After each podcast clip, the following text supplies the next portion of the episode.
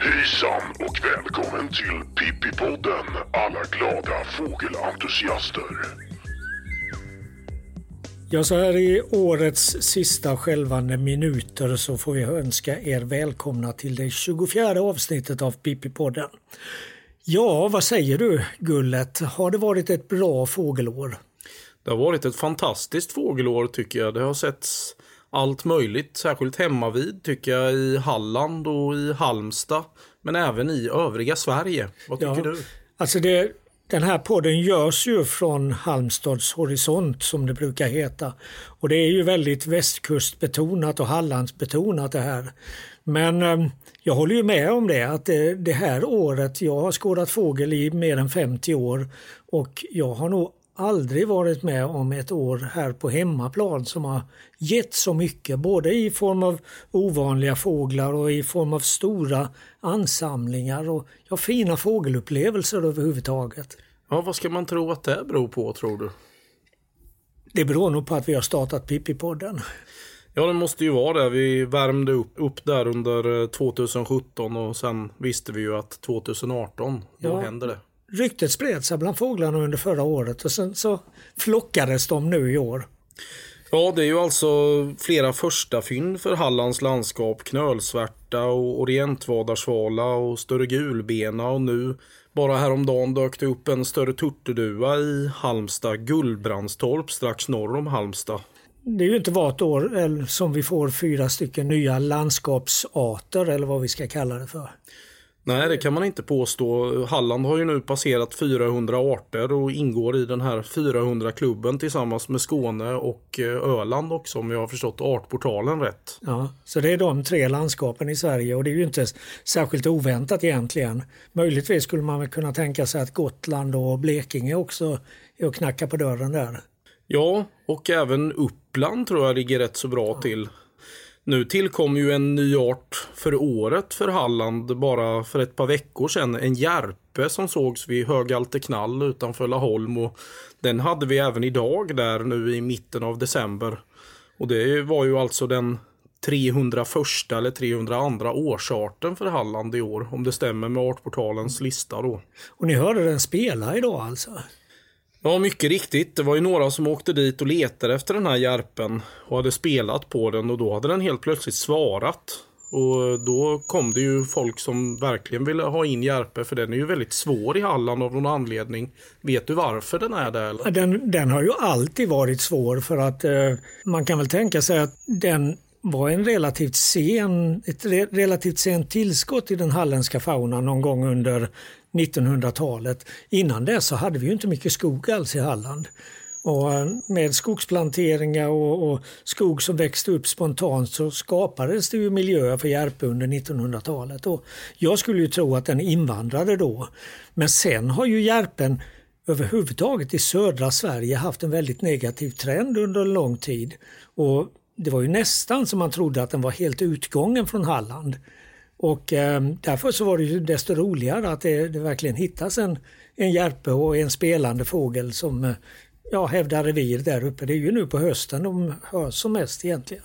Verkligen. Det enda stället jag vet med mig att jag haft alla tre skogshönsarter på en morgon var en plats utanför Uppvidinge, alltså i Uppvidinge kommun i Småland. Där eh, fanns det ju biotoper för både orre, tjäder och järpe. Jag inventerade ett område då. Och Småland tyckte jag då var betydligt lättare men jag, att få in järpe då. Men eh, jag vet att andra platser i Småland kan det vara svårare. Som till exempel i Växjö vet jag att de får kämpa rätt mycket för att få in järpar. Men det finns nog en, fortfarande en hyfsad stam av järpe i Småland. Det tror jag i alla fall. Men eh, däremot så har ju trenden i ytterområdena varit klart negativ under en längre tid.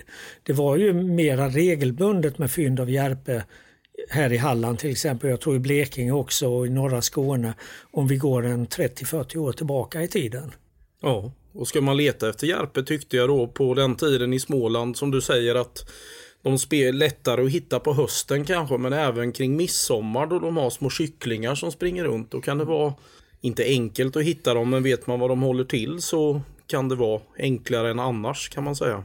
Nu kan man ju höra spelande Järpe även vid andra tidpunkter. Jag vet, eh, jag hörde i maj månad en gång, men det var inte här i Sverige ens, utan det var i Lettland. Men den satt och spelade för fullt då i, i slutet på maj månad. Men annars är det väl hösten som är den period då Järparna låter som mest. Det är ju det. Jag minns ju själv när jag fick in Järpe för första gången. Jag kommer ihåg att den jäckade mig ganska mycket. Jag cyklade omkring i något motionsspår i Hultsfred, kommer jag ihåg, kring juni månad någonstans. Och så hoppade fram en Järpe på vägen. Jag blev ju så glad att jag hoppade av cykeln så att den bara åkte i diket och jublade mer eller mindre. Så det var, ja, Järpen flög iväg. Hur var din första Järpupplevelse? Jag vet att du har skrivit om det, men sen om det stämde den gången när du ja, var barn eller vad ja, man säger? Alltså, jag, jag, var nog inte mer än barn. Jag skulle kunna tänka mig att jag var i tioårsåldern. Och jag och en kompis gick igenom ett skogsområde hemma och det flög upp en fågel framför oss med ett väldigt bullrigt uppflog. Och det enda som jag riktigt fäste avseende vid, eller som jag noterade, det var den märkliga stjärtteckningen. Att det var ett eh, sånt här subterminalband, ett svart band nästan längst ut på stjärt som var brutet i mitten. Mm. Och jag vet ingen annan fågel som har eh, en sån stjärt och den påminner om en hönsfågel men jag vågade aldrig räkna den. Jag hade väl någon gång då i 11-12 års åldern så hade jag väl sagt till några kompisar att jag hade sett en järpe i Fudeskogen. Men de trodde ju inte mig och de gjorde narr av mig. Så den strök jag då. Sen dröjde det ända fram till eh, ja, när vi var som mest aktiva fältbiologer i, i Bala utanför Halmstad. Då eh, sprang vi på Järpe där vid ett par tillfällen faktiskt. Den är definitivt inte årlig i Halland och är riktigt svår att hitta men det här kanske tyder på att någonting har hänt om man kan hitta det uppe på Hallandsåsen. Ja, och det lustiga i det sammanhanget, om vi nu ser järpen som en i huvudsak mellan och nordsvensk fågel, så var det ju precis samma område som det häckade lappuggla i somras. Det är ett litet Norrland i miniatyr där uppe på åsen kanske. Ja, vad är det som händer? Är det någon som åker dit och släpper ut fåglar? Ring oss gärna och berätta! Ja, alla ni våra norrländska lyssnare, ni får ha lite överseende med att vi är så betuttade i järpar här nere. Eh, det är ju som sagt en väldigt ovanlig fågel här nere i södra Sverige och det är ju en väldigt, väldigt vacker fågel. Och vi är minsann inte så lite avundsjuka på er som kan nästan gå ut och bara titta på en järpe när ni vill. Det hade man nästan önskat. Nu i onsdags den eh, 12 december så hittades en blåhake på Särdals strand utanför Halmstad strax utanför Haverdal. Och eh, det var ju flera som åkte och tittade på den, bland annat jag, för det var ju det andra vinterfyndet någonsin, vilket är smått bisarrt. Det finns ett januarifynd från Östra Styran söder om Stockholm från 2001. Men då träffade jag bland annat HG Karlsson där och han skulle åka hem och fika hos en skådare som heter Kill Persson i Gullbrandstorp. Och då sa jag till honom, ja kan inte jag också få hänga med och fika? Och så skrattade vi gott och sen blev det inte att jag följde med dit. Och vad hände sen? Ja, när de satt och fikade så kom det en fågel flygande och satte sig i ett träd strax utanför tomten. Och eh, HG som har varit mycket i Mongoliet han såg ju ganska direkt att det här var en större tutteduva. Han menade ganska omgående att det var en mena dessutom. Ja, det, det var roligt det. Det finns ju en annan ras som heter orientalis av större turturduva. Och det är ju också en ras som kommer från Asien kan man väl säga. Det här är ju en art som har ett väldigt stort utbredningsområde och som finns i Ja, nästan från Uralbergen och långt bort i eh, Japan och Korea. Kanske inte riktigt vid Uralbergen men från de västra delarna av eh, asiatiska Ryssland och så långt österut. Ja, du har väl sett det i Sydkorea bland annat? Ja, jag har sett ganska mycket större turturduvor både i eh, Sydkorea och i Japan framför allt. Jag var i Japan i våras och eh, till exempel i den här stora minnesparken i Hiroshima. Där eh, gick större turturduvor omkring på gräsmattorna nästan som tamduvor gör här eller som lingduvor. större turturduva och bruntrast var de klart vanligaste fåglarna då på vårkanten i den här parken och i många andra parker också. Ja, det är ett häftigt fynd och det är andra fyndet i Hallands landskap och det 32 i Sverige om vi nu har räknat rätt. För det har väl setts fyra stycken olika i Sverige i år. Ja, till och med förra året så var det 28 fynd. Och eh, av de fynden var det ju några fåglar som kom tillbaka flera år i rad. Vi hade ju en fågel i Mörbylånga på Öland som kom tillbaka många år. Alltså varje vinter var den där. Men sen vad, vad den höll till under sommaren det, det är inte lätt att veta. Ja, likadant i Falköping var det väl en som återvände ja. fyra, fem år. Man kan ju fantisera om att eh, de här fåglarna som har flugit fel och hamnat på ett helt annat eh, övervintringsområde än vad de egentligen avsåg att komma till eller vad de skulle ha gjort. Eh, att de sen flyger tillbaka till sin häckningsplats och så fortsätter de att flytta den här rutten åt fel håll. Alltså. Det är ja. rätt fascinerande. Ja, det är ju tåliga fåglar som säkert kan hitta mat lite varstans de är i, i världen. Allt från bär till frön och så vidare. Mm. Men för att återkomma till det här med raserna då. Det finns ju en ras som heter Orientalis och en som heter Mena. Den här Orientalis har väl i korta drag blyertsgrå stjärtpennespetsar och mörk undergump. Och eh, den här Mena har vita stjärtpennespetsar och vit undergump och sen skiljer det en del på brösttäckning och näbbstorlek och sånt mellan raserna. Och det här, den här fågeln som är i Gullbrandstorp verkar ju vara en mena då med vita stjärtpennespetsar. Men raritetskommittén har ju inte tittat så nogsamt på alla fynd som gjorts i landet genom tiderna än, men de ska väl göra det. Ja, det får vi väl se framöver. Eh, det är ju lite speciellt också att vi just nu har tre stycken större turturduvor i Sverige, eller vi hade i alla fall bara för några dagar sedan. Eh, en utanför Umeå, en i Härjedalen i Sveg och så då den här i, eh, i Gullbrandstorp utanför Halmstad. sen hade vi ju tidigare i höstas en fågel i östra Småland också. Men den var ju väldigt tillfällig.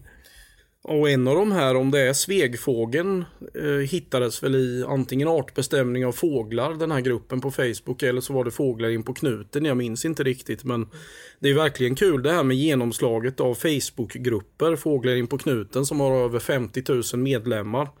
Där har det ju hittats flera rariteter, bland annat steppvipa uppe i Bohuslän tidigare i våras till exempel. Ja, folk som inte känner igen fåglarna och som lägger ut en bild på det.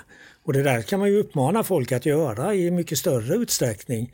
Man behöver ju inte ha en kanonbild utan många gånger kan ju även en bild av lite sämre kvalitet vara rätt talande. Helt klart. Och sen just den här större turturduvan upptäcktes ju tydligen åtminstone en vecka tidigare, den här som är i Gullbrandstorp, av grannen till eh, Kill Persson som bor där. Det var väl den äldre damen som hade sagt till gubben att eh, här, uh, det här ser ut som en turturduva. Har hon sagt till sin gubbe då. Men då hade han sagt nej, nej, det är ingenting. Och då hade hon inte brytt sig om att säga till Kill. Det är ju ofta så att när en fågel dyker upp så säger kanske lokalbefolkningen att den har varit här länge eller och så vidare. Men det stämmer nog den här gången. Mm. Ja, man ska alltså, sensmoralen av det här är att man ska inte lita på gubbarna, man ska lita på sig själv istället. Ja, man har väl lite som en fördom där att det är väl ofta så. Tänk om man själv blir sån. Ja. är du sån? Nej. Ja, det ska inte jag uttala mig om. Ja, men, men, det finns här säkert de som tycker det. Jag upplever det som att du har en hög tilltro till din fru. Jo, det har du rätt i. Jag har en rätt stor tilltro till min fru. Men nu tycker jag faktiskt att vi pratar om någonting annat. Jag tycker vi ska prata om Laholmsbukten. Ja, vi funderar ju på att åka dit imorgon. Vad tror du om vädret? Det ser ut som att det ska bli eh, stilla, eller hyfsat stilla, ganska svaga vindar. Och det är nästan en förutsättning för att man ska kunna mm, både se fåglarna bra och framförallt att kunna räkna dem. Och det är väldigt, väldigt mycket änder i Laholmsbukten nu och de ligger över, utspridda över ett väldigt stort område också förra året, eller förra vintern rättare sagt, när den här knölsvärtan fanns här, då låg nästan alla änderna längst ner i söder, alltså utanför Skummeslövs strand. Men eh, nu har jag varit där ett par dagar på senare tid och bara tittat översiktligt sådär och det finns alltså ända, ända nerifrån Båstad och nästan ända upp till Halmstad alltså. Så att eh, ska man räkna över allihopa så får man ett rätt styvt jobb. Men jag, jag skulle tro utifrån det jag har sett att antalen ligger på närmare 10 000. Alltså både svärtor och sjöorrar. Och sen är det en stor flock bergänder också med ja, som jag fick det ungefär 800 häromdagen. Men de är väldigt, väldigt svåra att räkna för de dyker oupphörligen. Alltså det är svårt att veta vilka fåglar man har sett och inte sett. Det är, man får göra en grov skattning. Vad som också var väldigt roligt när jag var nere i södra delen av Laholmsbukten häromdagen, det var att det var mycket svarthakedopping där. Jag såg nästan 50 stycken och då gick jag ändå inte igenom. Utan det var från, framförallt från två räkningsplatser. På den ena platsen hade jag 27 och på den andra 22. Och det där med svarthakedoppingar i, i Laholmsbukten, det är ett relativt nytt fenomen. Jag vet från längre tillbaka i tiden att det var ganska vanligt med svarthakedoppingar i Skälderviken.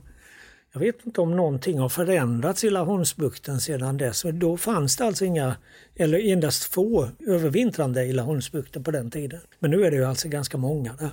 Kan det vara så att de här hjärtmusslorna har spridit sig ända från Båstad upp till eh, Lagans mynning nästan nu då eftersom det ligger så mycket ankor ja, överallt? Hjärtmusslor har det nog funnits eh, i alla tider tror jag. Och det kan vara väldigt, väldigt höga tätheter av, av hjärtmusslor. Jag hörde en marinbiolog som berättade att eh, man har på vissa ställen över 2000 per kvadratmeter och det är ganska små musslor då som, som ligger liksom nästan ihop, alltså tätt, tätt, tätt ihop. Va?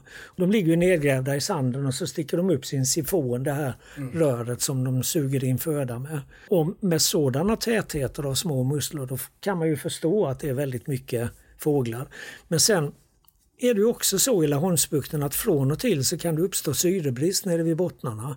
Och då dör ju musslorna, de kan ju inte fly, de sitter ju fast nere i botten.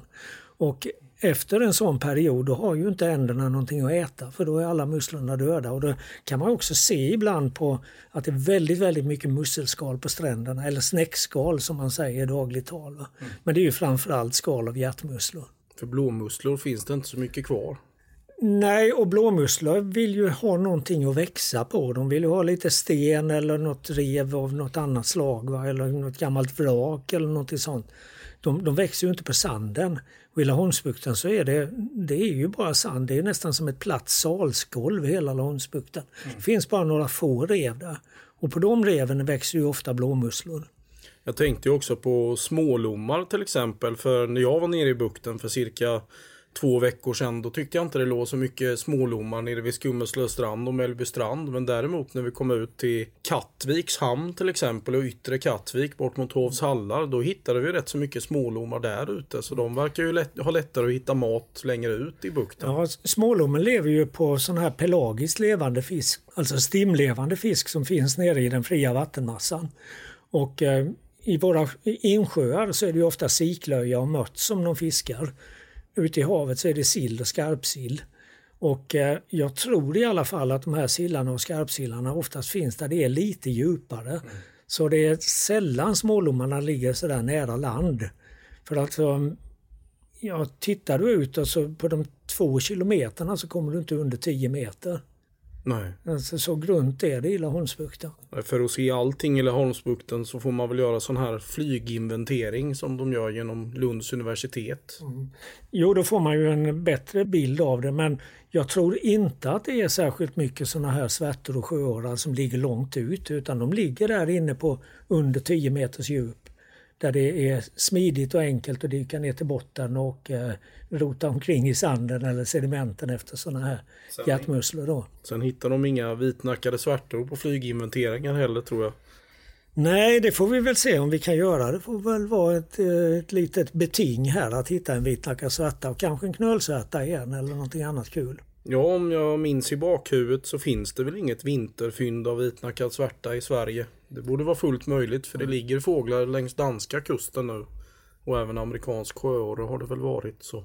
Jo, det kan ju säkert finnas här i, i de här stora flockarna och det är ju verkligen inte lätt att gå igenom hela flocken. Och det är väldigt lätt att missa en fågel eftersom de dyker hela tiden.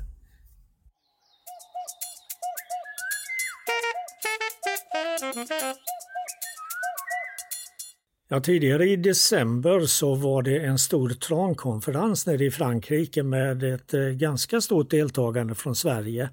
Och en av dem som var med på den konferensen var Johan Månsson som jobbar på Viltskadecenter på Grimsö. Och tidigare i höstas så träffade jag Johan Månsson för att prata om tranor. Tranor är ju fåglar som är väldigt, väldigt uppskattade av många människor. Vi har tranfestivaler på många håll runt om i världen. Men tranorna börjar bli ett ganska stort bekymmer på många olika sätt. Ja, Johan Månsson från Viltskadecenter, vad, vad ska vi göra med tranorna egentligen? Ja, det är en bra fråga. Vi har ju en ökande population och vi gör alla möjliga åtgärder för att minska skadorna på jordbruket och vi ser också ökande problem på strandängar där de plockar eh, ungar då från vadare och så. Eh, så den ökande trenden är ju den är svår och eh, jag tror inte att vi kommer komma undan med att vi kanske måste försöka begränsa populationen så småningom. Men samtidigt så ställer vi ju till med jippo när tranorna kommer på våren. Det är ju en av de absolut mest välkomna vårfåglarna. Är inte det en paradox egentligen? Jo, men det blir en liten paradox. Men frågan är liksom hur mycket är nog? Eh, för jag tror att vi hade kunnat haft våra tranfestivaler med kanske 10 000 tranor eller 15 000 tranor. Men nu har vi 27 000 tranor emellanåt på vissa platser i Sverige. Så att eh, ja, en liten paradox, men, men som sagt, hur mycket är nog? Eller jag föreställer mig också att det måste vara ganska svårt för dig att så in de här tankarna hos de som lever på tranfestivalen vid Hornborgasjön och på turismen kring Kristianstad till exempel. Vad säger de när du kommer med dina tankar om att vi måste begränsa populationen? Ja, men det är klart att det är, en, det är en pedagogisk dilemma som vi har där. Och det handlar ju om att få en förståelse för hela systemet. För att det är ju bara det är en del i det, den här ekosystemtjänsterna som vi har och turismen. Men den andra delen är ju som sagt naturvården, där de kan ställa till skada då på strandängarna som jag var inne på. Men också för lantbruket. Eh, och det är ju en ikonisk art och den har, det är inte jakt på den, den är ju fredad, totalt fredad inom EU. Och det måste ju eh, komma över det också då till en början. Ja, inte bara det, de, de lagliga eh, regelverken. Det finns väl också bland många jägare ett, rent ut sagt ett motstånd mot att skjuta trana. Det hör till de här ikoniska fåglarna som du säger, som man inte gärna vill avlossa skott mot. Jo men det tror jag. Och det har ju också med tradition att göra, vilka arter man faktiskt har jagat. Då. Eh, och den här är ju som sagt inte en, en jagad art och man ser den kanske inte heller som, som att eh, man, mat så att säga. Och då är det att skjuta för att slänga sen och det tror jag, det är inte någonting som man vill göra. Så att det finns något motstånd även där ja. Mm. Har du någon gång själv provat att äta trana? Går det? Är den ätbar? Jag skulle tro att den är ätbar om man tillagar den på rätt sätt. Det är möjligt att man kan röka den precis som med gåsbröst då. Eh, så att, nej, men jag har aldrig provat. Men det, det skulle kunna bli en, en framtida användning? Ja, alltså jag ser det så. Men, men som sagt, det, jag har aldrig provat. Men nog ska man kunna förädla trana, det tror jag. Finns det någonstans något, eh, vad ska vi säga, kryphål eller något undantag i EUs regelverk som innebär att vi kan få börja jaga trana i Sverige? Ja, det man, det, man, har ju samma diskussion med vitkindad gås nu som har ökat ofantligt. Det är ju, där har, ser man stora problem med flygsäkerhet, man ser stora problem med, med jordbruksgrödorna och man ser på, påverkan på vegetationen då, när de häck, på häckningsområden.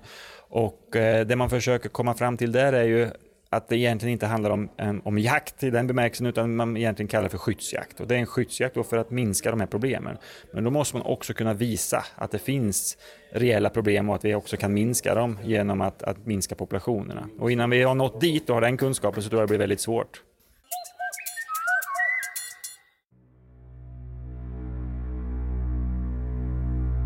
Varför fågelskådar jag? Det finns nog flera anledningar till det. En av dem är förstås att jag alltid har velat kunna flyga. Just den känslan får jag ett visst utlopp för när jag ser en grålira i dynamisk bågflykt över ett stormpiskat hav. Eller när en flock vråkar skruvar uppe på himlen i en ljummen termikvind i september. Hur bär de sig åt? Hur kan det gå så lätt och smidigt? Jag fågelskådar för att jag vill se något nytt hela tiden. Det behöver inte vara en ny art. Det kan också handla om att få nya upplevelser. Fina dagar med mängder av flyttande fåglar är ofta bättre än att se en ny art för min del. Men samtidigt handlar fågelskådning för mig om att ständigt leta eller lyssna efter ett russin i kakan. När jag hör fågelsången i skogen lyssnar jag förbi bofinkar, lövsångare, taltrastar och gärdsmygar. Jag hoppas att något udda ska tränga igenom kören av triviala sångfåglar. En lundsångarstrof ett lock från en dvärgsparv eller att höra ett läte jag inte känner igen väcker nyfikenhet i mitt inre samtidigt som pulsen slår snabbare. När jag letar igenom en flock med tusentals sjöorrar och svärtor räknar jag dem samtidigt som jag hoppas hitta en vitnackad svärta eller en amerikansk sjöorre.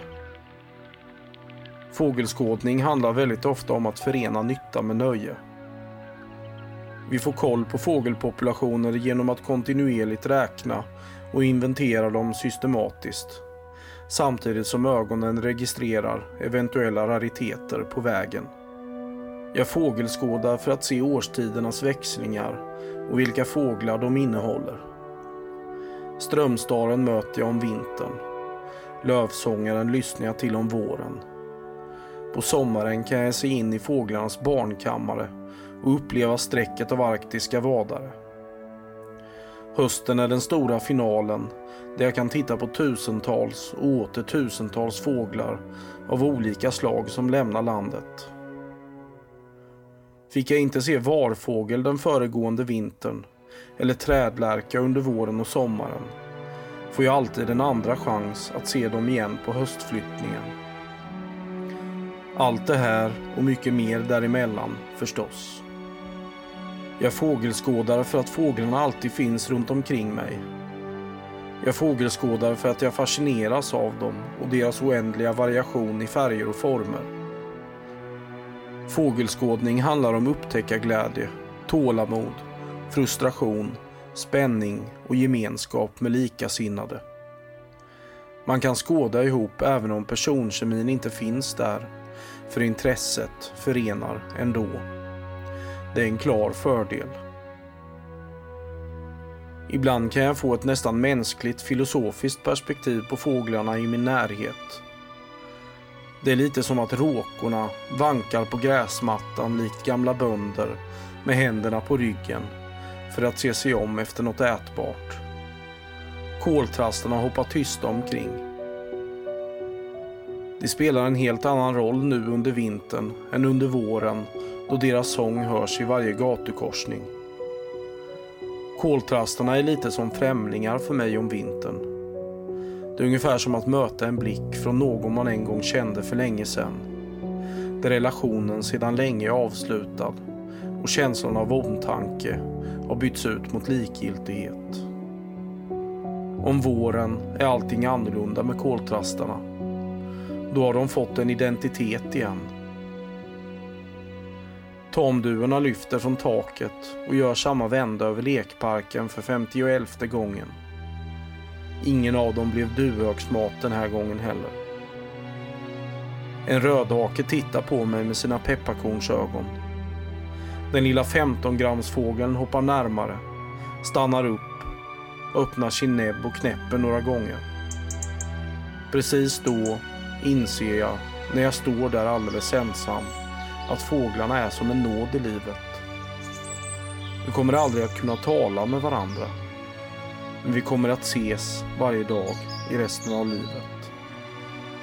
Det är därför jag fågelskådar.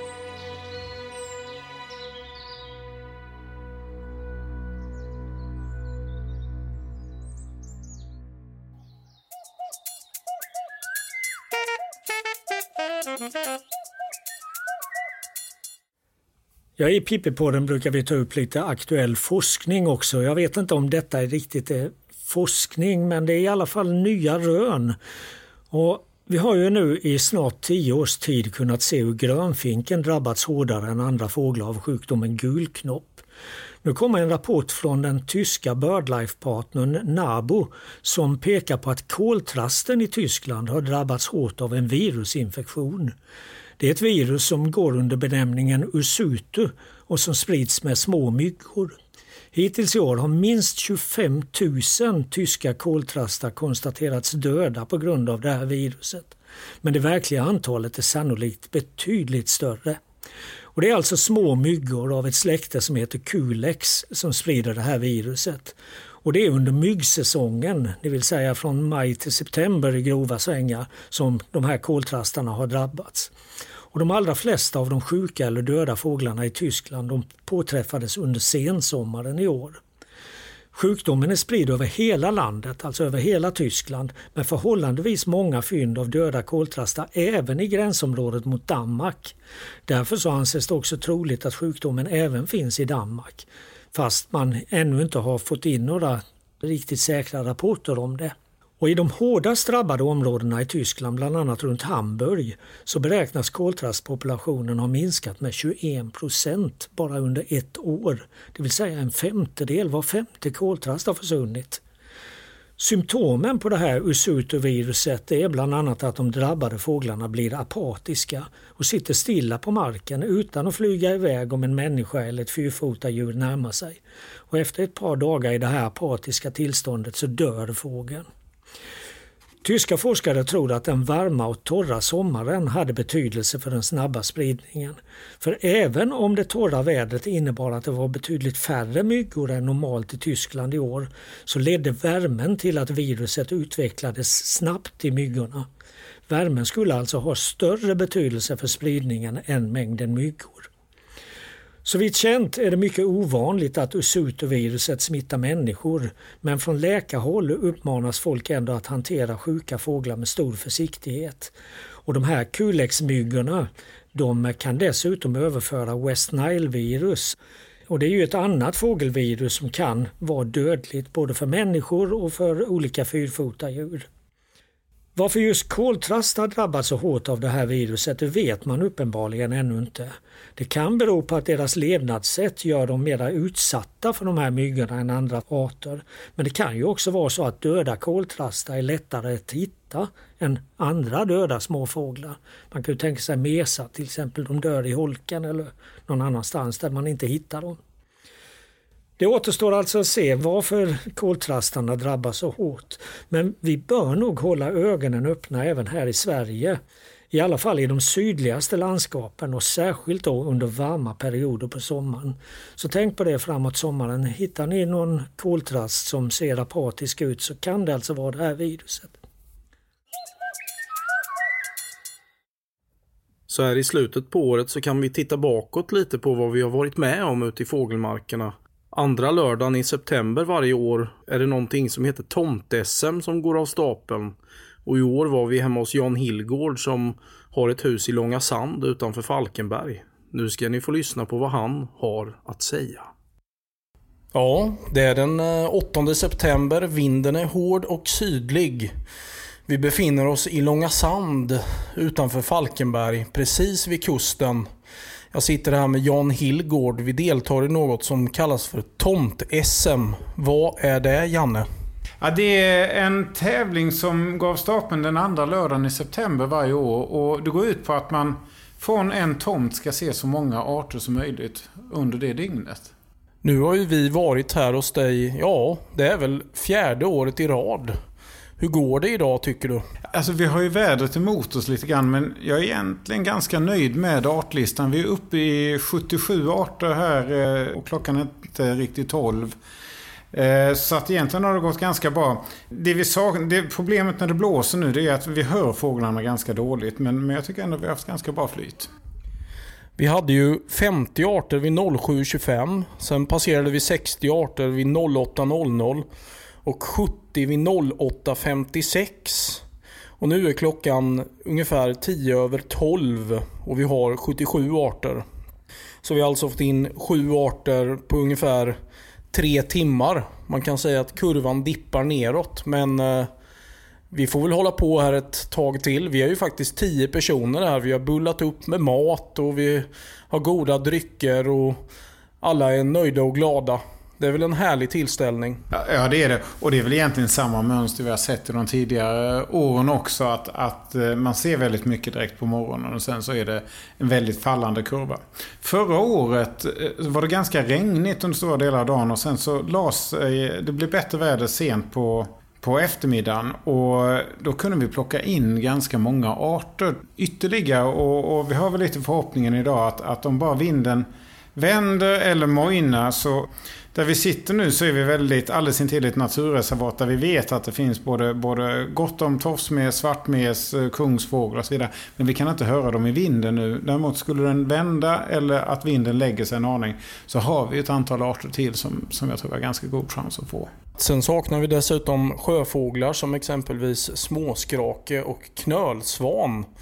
Och du har ju faktiskt försökt vara lite duktig här och bullat upp med fågelfrön nere på parkeringen här. Vi har ju alltså havsutsikt härifrån och vi hoppas även att det ska komma fram lite småfåglar på de här fröna. Hur tycker du det har gått?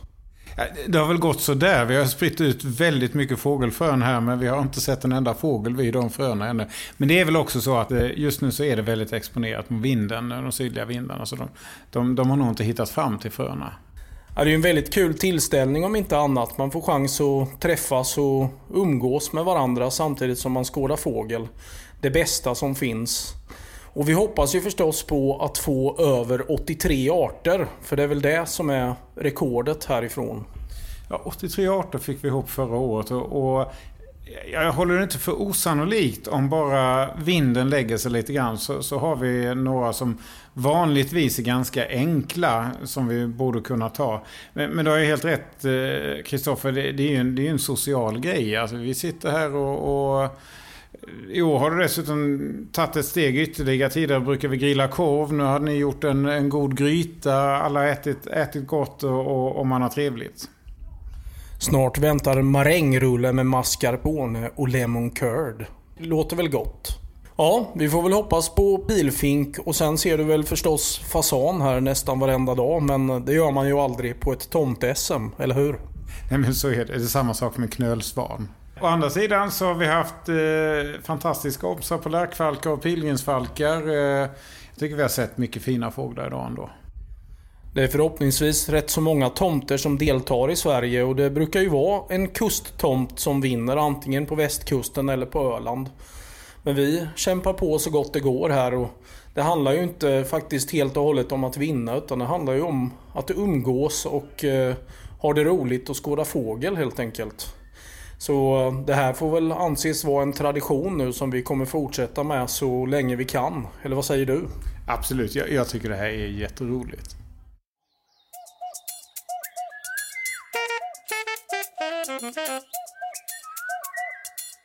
Det här fantastiska fågelåret 2018 avslutas ju lite med ett smolk i glädjebägaren. Ja, det kan man ju med fog säga. Och det handlar ju om den här budgetreservationen som Moderaterna och Kristdemokraterna la fram och som fick gehör i riksdagen tack vare Sverigedemokraterna och att Centerpartiet och Liberalerna la ner sina röster. För naturvården så är det här ett oerhört hårt slag. Och eh, jag undrar egentligen om de som har suttit och formulerat den här eh, budgetreservationen, om de verkligen har varit medvetna om vad de har gjort. Alltså. För det här kommer att innebära så oerhört mycket negativt i den svenska naturen om om vi ska fortsätta en längre tid med, med de här nedskärningarna. För det handlar ju om väldigt, väldigt kraftiga nedskärningar för skydd av natur, för vård av natur och eh, för inventeringar. Bland annat så vill man ju stoppa den här stora nyckelbiotopsinventeringen som startades nu tidigare i år. Och eh, det, det, är, alltså det är ett oerhört märkligt synsätt tycker jag. För att det är ju ändå viktigt att vi vet var de stora värdena finns i naturen. Här ska man alltså bara kunna gå ut och avverka utan att veta vad det är man avverkar. Så, så som de resonerar alltså. Man pratar ju mer eller mindre om nästan en halvering av budgeten, alltså från eh, 6,5 miljarder kronor till 3,8 miljarder för ja, år 2019. Ja, när man tittar på naturvårdsbudgeten. Men, men ska vi se på den hela miljö-, klimat och naturbudgeten så ligger det på en nedskärning på ungefär 20 procent. Och här i Sverige så har vi ju varit väldigt, väldigt upprörda över att Donald Trump sänkte den amerikanska motsvarigheten med 23 procent tror jag det var. Men alltså det här är ju i samma, samma härad, i samma storleksordning. Och än så länge så har vi inga särskilt upprörda röster i den svenska mediakåren. Men det kommer kanske. Det kanske bara är Greta Thunberg som har fattat vad som gäller. Hon är ju bara 15 år. Nej men alltså vad som är intressant också nu, nu har det ju varit eh, klimatförhandlingar i Katowice i Polen nu i december. Och vad som har kommit fram under det här året är ju dessutom att förlusterna av biologisk mångfald i världen är ett lika allvarligt problem som klimatförändringarna. Vi är väldigt beroende av att ha en rik biologisk mångfald. Men det ska vi tydligen inte ha i Sverige. Vi har väldigt, väldigt lite ursprunglig eller lite påverkad skog eller hur man ska uttrycka det. Jag skulle säga naturskogar. Vi har väldigt lite sådant kvar. Och det som inte är skyddat, det borde vi vara väldigt rädda om. Men nu kommer vi, som det ser ut nu, att förlora det också. Vi är ju inte så särskilt duktiga på naturvård i Sverige från början egentligen. Vi tror det och framförallt tror politikerna det. Att vi är väldigt duktiga på naturvård, men det är vi inte tyvärr. Ja, innan vi avslutar det här andra året med Pippi-podden så ska vi ta och titta lite närmare på vad olika människor har fått i julklapp här.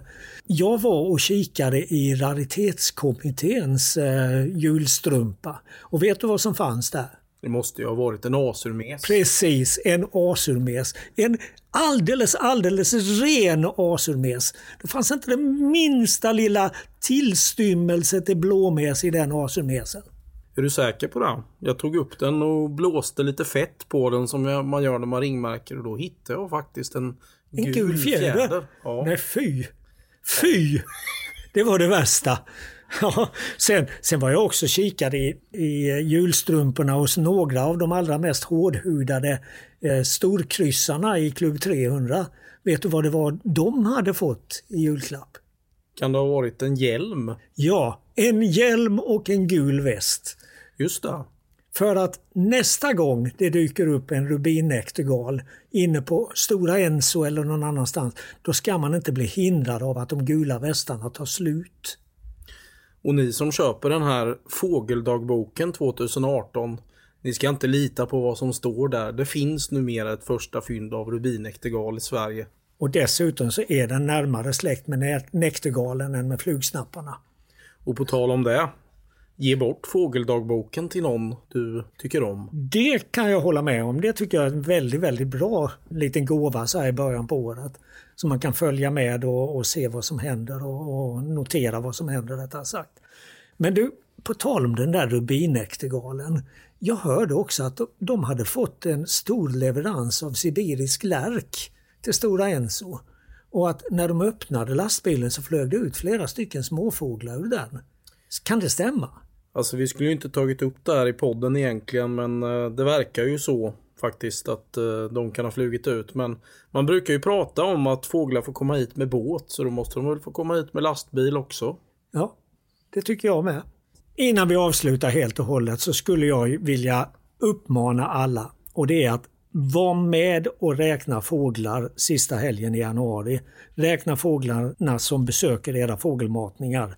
Vinterfåglar in på knuten. Det är från fredagen till måndagen då, runt den sista helgen i januari. Då gäller det att räkna.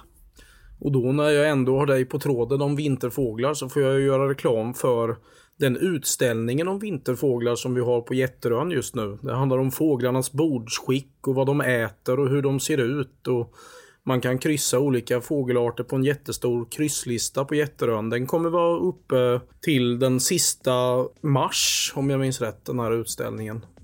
Och eh, vår ljudtekniker Frida är det som har illustrerat den här bordsskicksstripen som finns på väggen och även flera av fåglarna.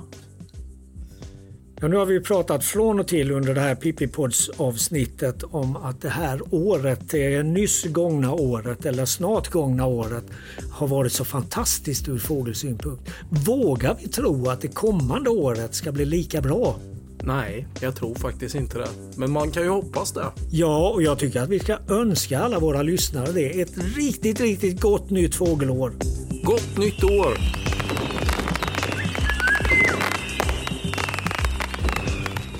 Redigering av Frida Nettelblatt. Pippipodden produceras i samarbete med Studiefrämjandet.